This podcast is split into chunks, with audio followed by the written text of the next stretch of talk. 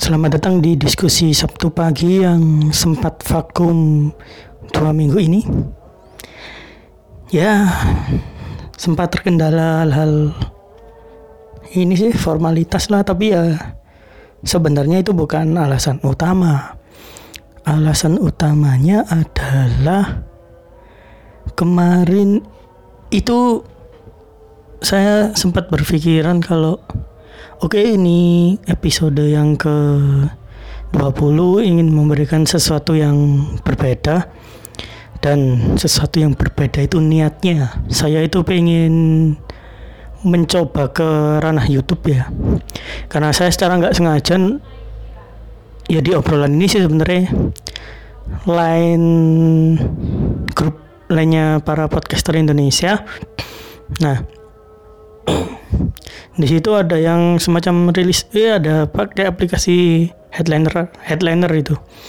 Di situ bisa buat ngedit-ngedit lah istilahnya seperti itu sehingga bisa muncul hingga transkrip audio kita gitu.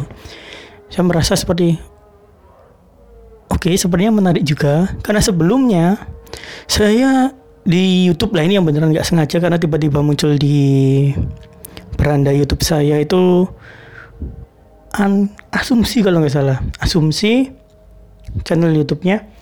Dan di situ ya ada yang seperti itu. Maksudnya ada background gambarnya kemudian di situ ada transkripnya lah ini kan ini menarik gitu. Sehingga ketika saya tahu oh ternyata pakai headliner. Saya coba lah.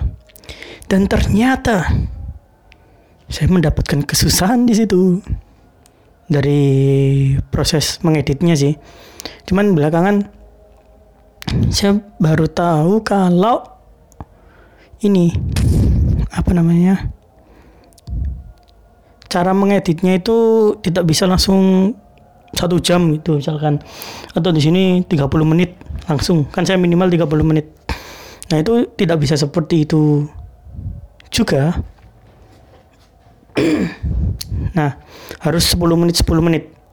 Dan itu memakan proses yang cukup lama padahal saya sudah pakai wifi yang cepat itu koneksinya padahal. Nah itu sih pengen mempersiapkan itu. Dan sebenarnya saya juga berpikiran ketika mungkin saya merambah di dunia YouTube ini kan kontennya eh bukan sih bukan gitu itu yang di, di minggu kedua ya saya kepikiran seperti itu. Minggu kedua vakum itu. Di minggu pertamanya saya kepikiran buat mengganti nama.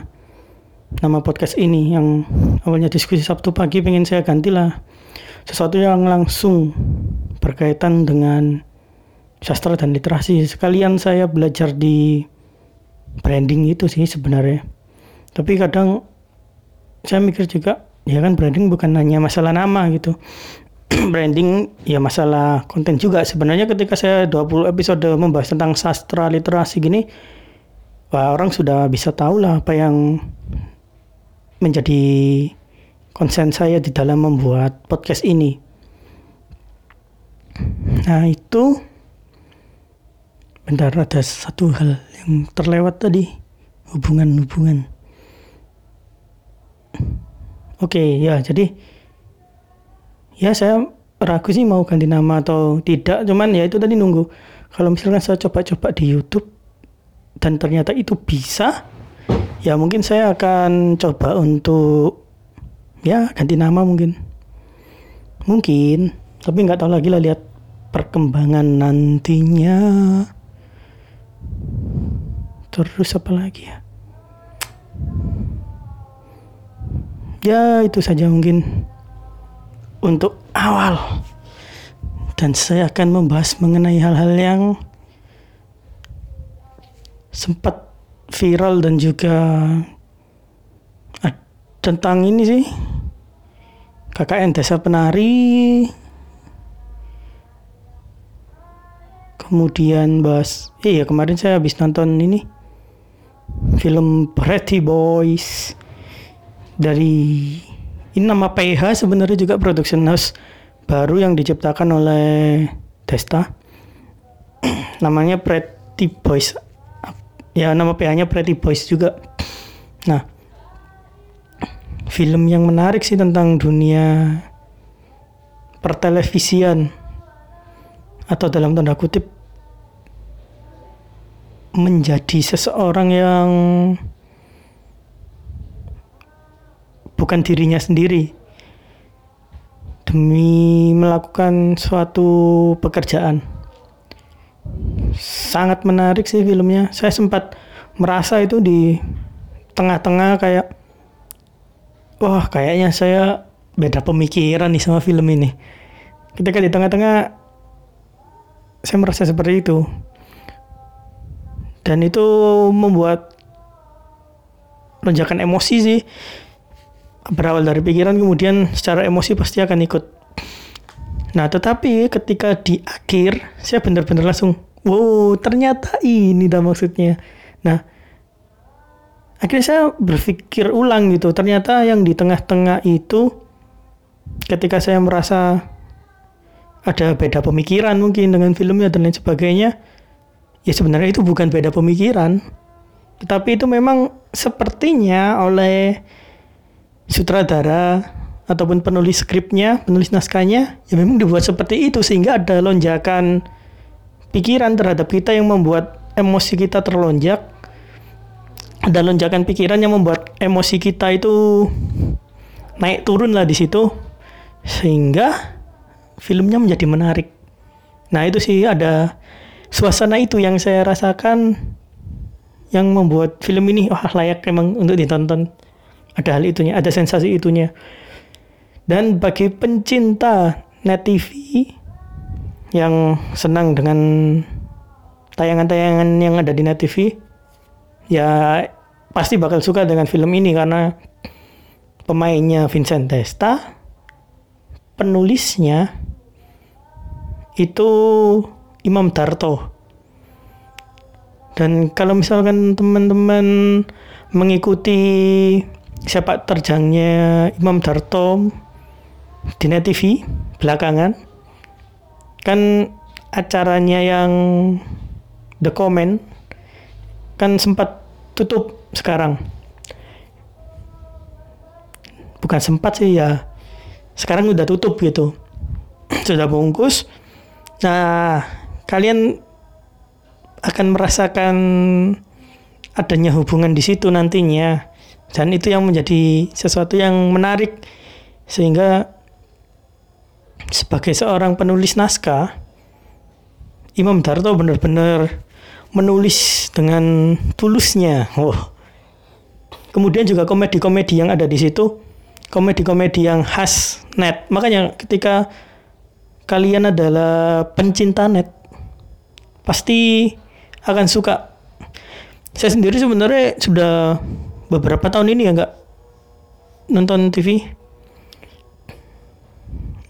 ketika itu saya bentar-bentar jadi saya sudah lama nggak menonton TV dan saya sudah lama nggak nonton net karena net juga secara program mengalami penurunan.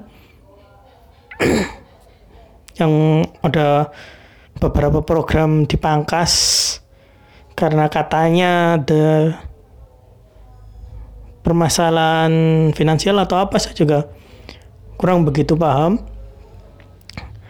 Nah, saya kurang bisa ini akhirnya menikmati net, nggak ada breakout, nggak ada gitu-gitu yang padahal dulu saya waktu kuliah semester 1 kayaknya masih nonton net deh dan sekarang semester 7 udah.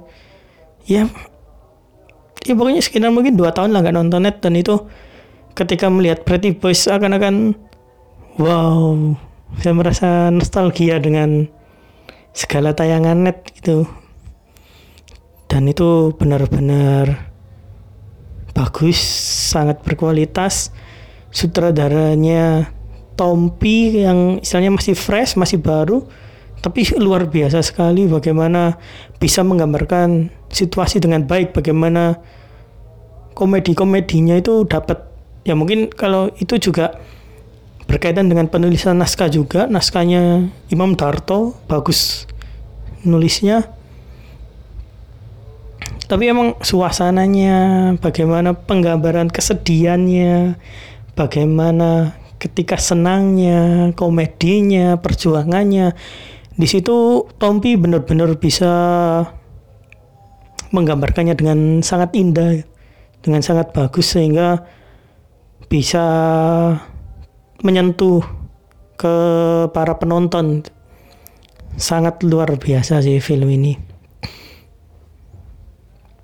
Nah itu kemudian juga ada beberapa lagu di sini yang menurut saya sangat bagus dan itu benar-benar membuat suasana di dalam filmnya bagus menjadi hidup. Nah ini sih mungkin juga ini salah satu faktor sih kenapa suasananya tergambarkan dengan baik karena backsoundnya itu juga baik juga dan mungkin juga karena oke okay, di sini ada Tompi sebagai sutradara sehingga secara musikalitas, secara bagaimana audio yang masuk di situ pun tergambarkan dengan bagus juga.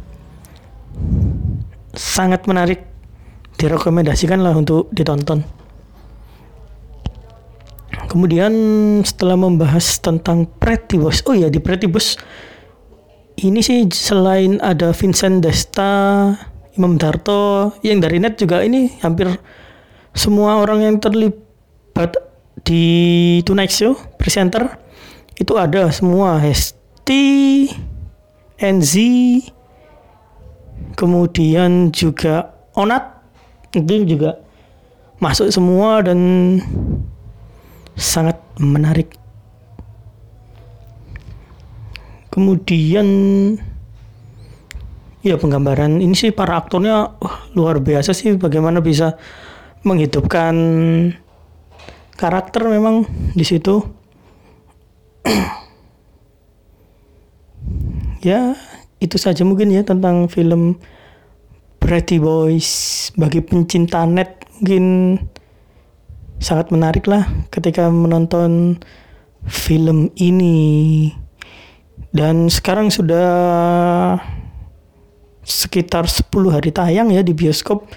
Dan itu masih banyak lah layar yang dibuka jadi silakan ditonton saja.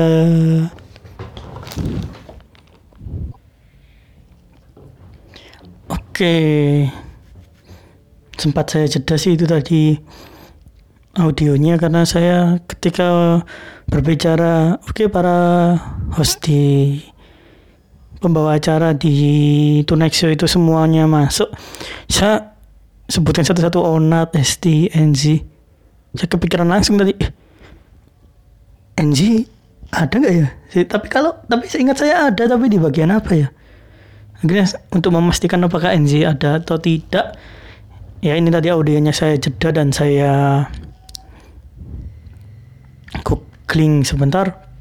Dan ternyata memang ada NG dan saya teman di situ juga tidak dijelaskan NG berperan di mana tetapi ketika saya ingat-ingat lagi oke okay, saya tahu NG ada di bagian mana dan menjadi apa. Dan ketika saya googling sebentar ini tadi saya juga baru ingat ada Najwa Shihab di situ. Dan ya menjadi karakter yang menarik lah di situ ya itu saja mungkin tentang film Pretty Boys. Masih ada di bioskop. Silakan ditonton. Kemudian saya akan membahas yang sempat viral belakangan. Nggak tahu ya mungkin udah basi. Karena ya cukup lama. Beberapa waktu yang lalu lah. Mengenai KKN di desa penari. ya, nggak tahu ya. Ketika saya biasanya mendengar cerita horor dan lain sebagainya, pasti ada titik di mana saya, wih ya serem banget nih. Nah ada titik itunya sih.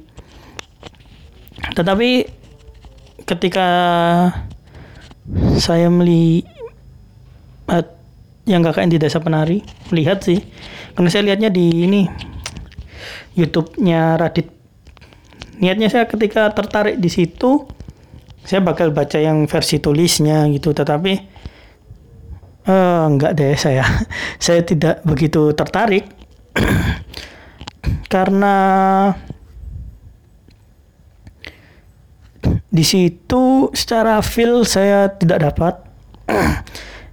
nah, di sini saya akhirnya mencoba menganalisis sendiri kenapa saya nggak dapat secara feelnya.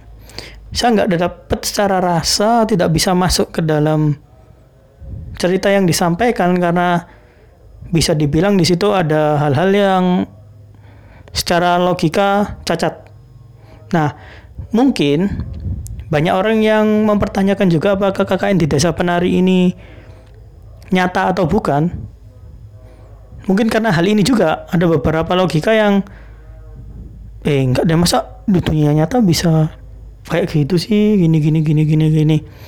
Nah, ya ke tidak logisan ini bukan terjadi pada bagaimana sosok hantunya muncul dan lain sebagainya. Kalau itu kan hal yang memang bisa dibilang beda alam lah, supranatural yang itu ya kita tidak bisa memprediksi dan lain sebagainya. Tidak bisa menganalisis apakah logikanya munculnya itu seperti ini seperti inilah nggak bisa karena itu di luar kendali kita Nah, tetapi yang saya analisa adalah beberapa kejadian yang bisa dibilang tidak masuk akal atau tidak logis. Nah, kejadian itu salah satu contohnya adalah ada si tokoh utama ini ada seorang tokoh istilahnya melihat dalam kurung sosok dan itu ketakutan. Nah, ketika ketakutan, hal yang dia lakukan adalah ketakutan dan penasaran waktu itu kondisinya di situ dan itu mengejar sosok itu sendiri.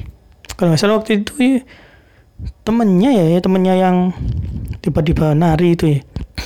Nah, mengejarnya sendiri. Lah ini kan secara logika cukup aneh. Seharusnya kalau misalkan dia takut, ya tidak mengejarnya seorang diri gitu loh. Harusnya kalau saya, ya saya panggil teman-teman saya terlebih dahulu. Kan ada di kamar yang berbeda gitu. Ya udah, gedor-gedor aja kamarnya. gedor-gedor kamarnya Nah, baru ajak mereka untuk ikut keluar juga. Gitu sih sehingga di sini ada kesinambungan logika. Masa takut malah disamperin sendirian ya enggak lah. Hal ini sama seperti Indonesia teringat di filmnya Raditya Dika yang Hangout bagian eh, Bayuska kalau misalnya yang ada merasa ketakutan kemudian dia coba cari temannya terlebih dahulu. Nah, tetapi karena temannya nggak ada, nah baru ada kemungkinan untuk mencari sendiri. ya itu seingat saya Bayuska jadiin Bayuska kalau apa ya? Ya pokoknya ada di film Hangout, Hangout, Hangout itu seperti itu. Ketakutan kemudian cari temannya dulu lah. Ketika temannya nggak ada, nah baru dia ini jalan sendiri. Nah, sedangkan yang di KKN Desa Penari tidak seperti itu. Lah, kemudian juga di KKN Desa Penari ini ada klarifikasi-klarifikasinya. Nah, tetapi ketika selesai diklarifikasi, hal itu malah menjadi sesuatu yang aneh. Bukan semakin menjelaskan tetapi semakin aneh. Nah, kalau yang tadi saya teringat film Hengkotnya Raditya Dika, saya kalau yang ini ingat ini debat kusir yang sempat naikkan namanya MLI gara-gara Atta Halilintar yang semakin klarifikasi semakin aneh. Nah, ya ini sama sih seperti itu. Jadi ketika diklarifikasi malah timbul pertanyaan-pertanyaan juga. Salah satu poin klarifikasinya adalah di situ ternyata ada dosen yang ikut di situ dan mahasiswa yang ikut KKN jumlahnya bukan sedikit yang ada di cerita tetapi ada belasan. Nah, hal ini cukup aneh karena ketika di situ ada dosen dan di situ ada hal-hal aneh, maka harusnya yang dilakukan adalah ya udah stop KKN-nya, balik aja. Nah kan bisa jadi seperti itu ketika ada dosen di situ bisa mengambil keputusan dan hal itu yang tidak ada sehingga tidak ada kejanggalan di sini. Nah kenapa saya membahas hal ini karena saya ada poin seperti ini. Uh, senyata-nyatanya sebuah kejadian, tetapi ketika gaya penceritaannya kurang bagus, orang tidak akan percaya bahwasanya itu kisah nyata gitu. Tetapi ketika ada cerita yang itu sifatnya karangan, tetapi itu sesuai dengan hukum-hukum alam yang ada, sesuai dengan logika yang ada, lah di situ orang bisa percaya dan menganggap hal itu cerita nyata. Nah, seperti itu. itu sih sebenarnya poinnya. Tetapi patut digarisbawahi juga bahwa saya di sini tidak membaca KKN di Desa Penari yang versi penuhnya secara ditulisan hanya di videonya Raditya Dika sehingga bisa jadi mungkin karena itu di videonya Raditya Dika itu merupakan kesimpulan atau tidak dijelaskan secara keseluruhan sehingga mungkin hanya diambil poin-poinnya. Sedangkan kalau yang ditulisan bisa jadi sangat terperinci yang mana bisa jadi di sana logika-logikanya bisa muncul lah atau logis. Ya itu sih yang patut digarisbawahi. Tetapi sebenarnya kalau melihat lagi ya yang merasakan kejanggalan ketidaklogisan ini ya bukan hanya saya bahkan yang tim ada itu penulis untuk YouTube-nya Raditya Dika yang bagian searching aja juga searching konten dia juga merasa ragu terhadap itu kelogisannya kemudian juga ketika saya diskusi dengan teman-teman juga teman-teman uh, banyak juga yang mencatat beberapa hal yang itu do kok kayaknya nggak gini juga gitu kalau misalkan di dunia nyata dan lain sebagainya. Nah itu sih saya ulang poinnya. Poinnya, kenapa saya membahas KKN di desa penari adalah senyata-nyatanya sebuah kisah. Tetapi apabila gaya penceritaannya itu kurang meyakinkan pembaca, bisa jadi orang itu tidak akan percaya bahwa hal yang disampaikan merupakan kisah nyata. Begitu pula sebaliknya. Walaupun ini sebuah kisah yang tidak nyata, tetapi ketika penulis dengan gaya penceritaannya mampu meyakinkan pembaca, maka pembaca akan merasa bahwasanya itu kisah nyata. Dan salah satu hal atau poin atau sesuatu yang penting di dalam gaya penceritaan untuk bisa meyakinkan pembaca ini terletak pada kelogisan penggambaran suatu cerita. Nah, itu. itu saja mengenai KKN di Desa Penari. Kemudian belakangan ini yang membuat saya cukup resah juga adalah mengenai ini sih saya lihat di Instagram Instagram itu banyak orang yang mengisi seminar kepenulisan dan lain sebagainya. Tetapi tulisannya ketika saya baca eh enggak deh ini enggak enggak bisa dibilang di bawah standar lah tulisannya. Tapi dia bisa mengisi seminar dan lain sebagainya dan lain sebagainya. Dan kemudian saya kemarin juga dapat info dari teman bahwasanya ya sekarang sedang marak loh tentang ini agensi-agensi public speaking gitu-gitu. Nah, di sini saya akhirnya merasa bahwa hmm, ya sebenarnya seseorang sebelum menyampaikan sesuatu harus tahu mengenai kondisi dirinya sendiri sih sehingga apakah dia layak berbicara seperti di dalam konteks yang seperti itu atau tidak? Ya, tapi yang nggak tahu juga sih. Tiba-tiba langsung berubah pikiran. Barangkali itu memang buat dia ini ya apa namanya sarana dia belajar mungkin ya. Ya tapi kan ya masa belajarnya dengan mengisi hal-hal seperti itu? Bentar bentar bentar oke dalam proses berpikir saya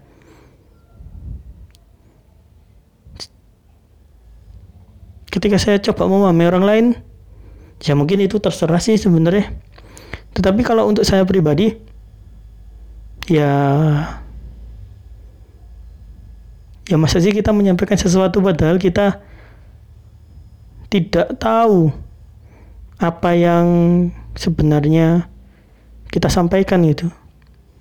Misalkan kita berbicara mengenai cara memasak yang baik dan benar. Cara membuat sushi yang enak. Cara membuat masakan ya masakan sushi.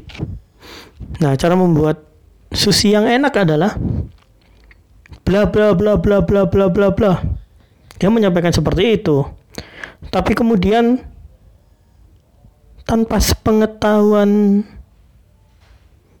ininya apa namanya pesertanya ternyata masakannya si dia itu nggak enak. Nah ini apakah bukan menjadi sesuatu yang munafik ya pada akhirnya? Atau saya terlalu jauh dengan mengucapkan seperti itu? Ya nggak tahu juga sih. Tapi kan ya logikanya seperti itu. Ya kita tidak bisa memasak tapi kita mengajari memasak gitu. Ya saya rasa itu bukan pada tempatnya saja. Dan juga ada hal-hal di mana yang seperti itu sih yang cukup merasakan saya belakangan ini. Dan hal seperti ini bukan hanya terjadi di dunia kepenulisan saja sih.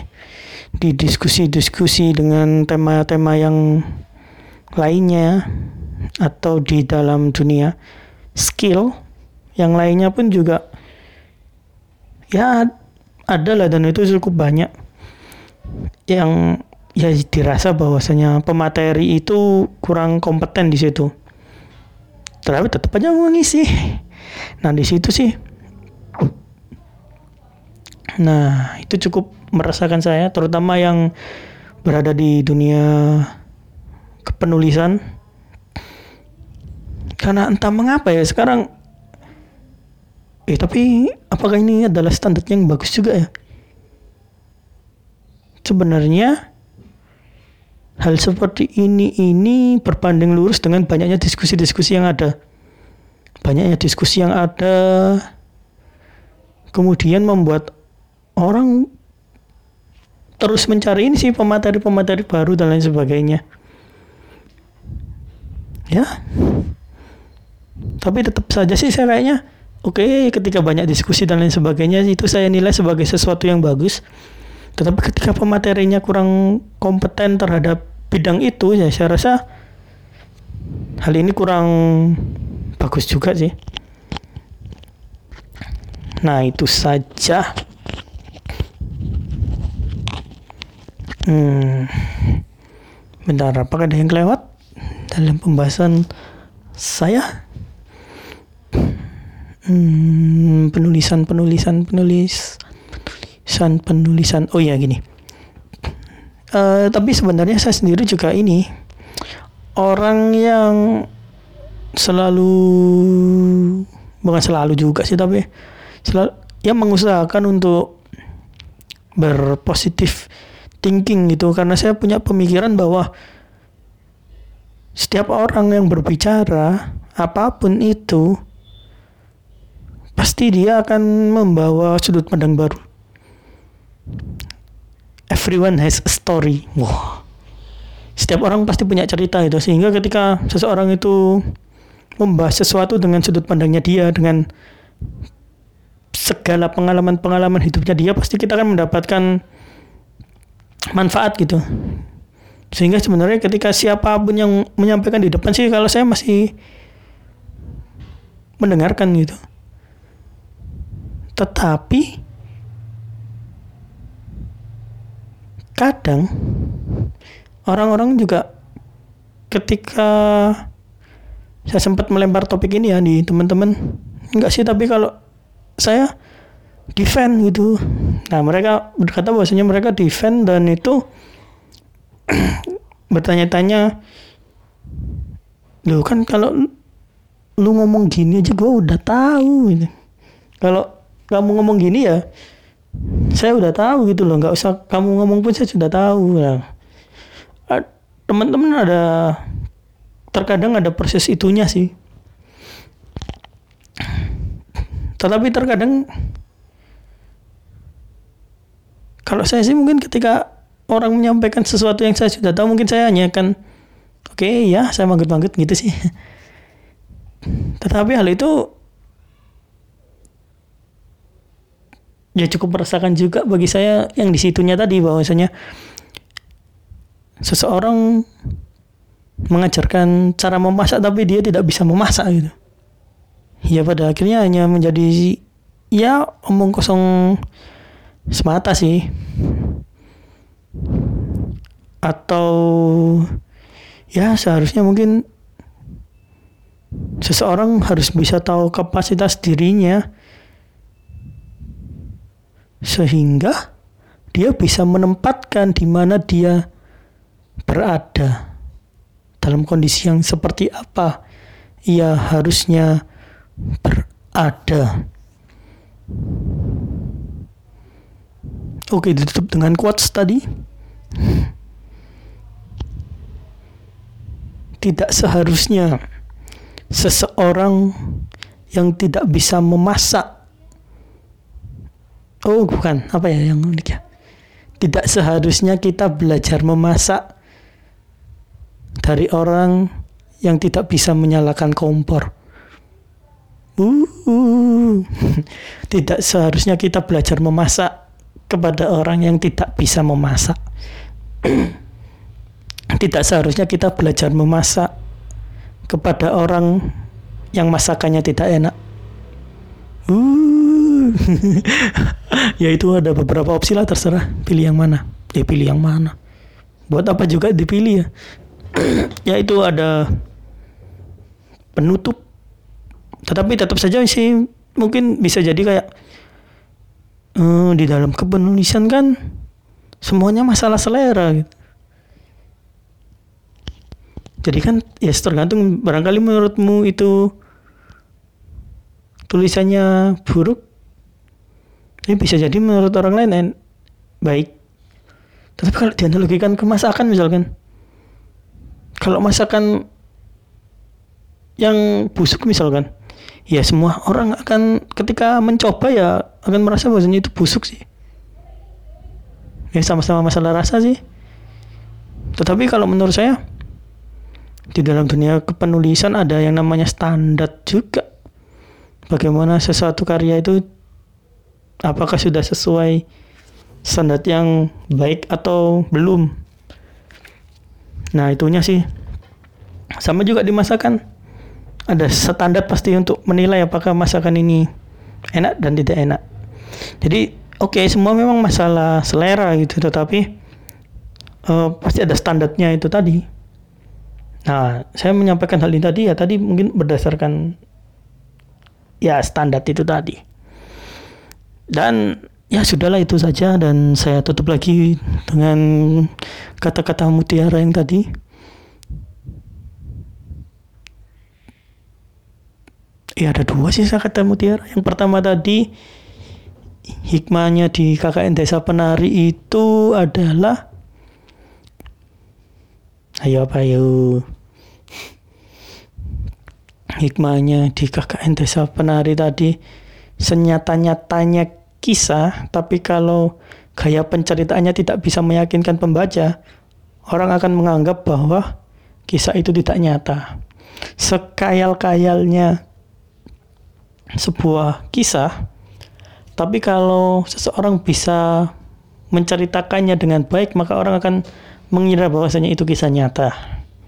Dan gaya penceritaan ini salah satunya dipengaruhi oleh kelogisan cerita oke itu kuat pertama kuat yang kedua adalah kuat kedua adalah selayaknya seharusnya kita tidak belajar memasak kepada orang yang masakannya tidak enak.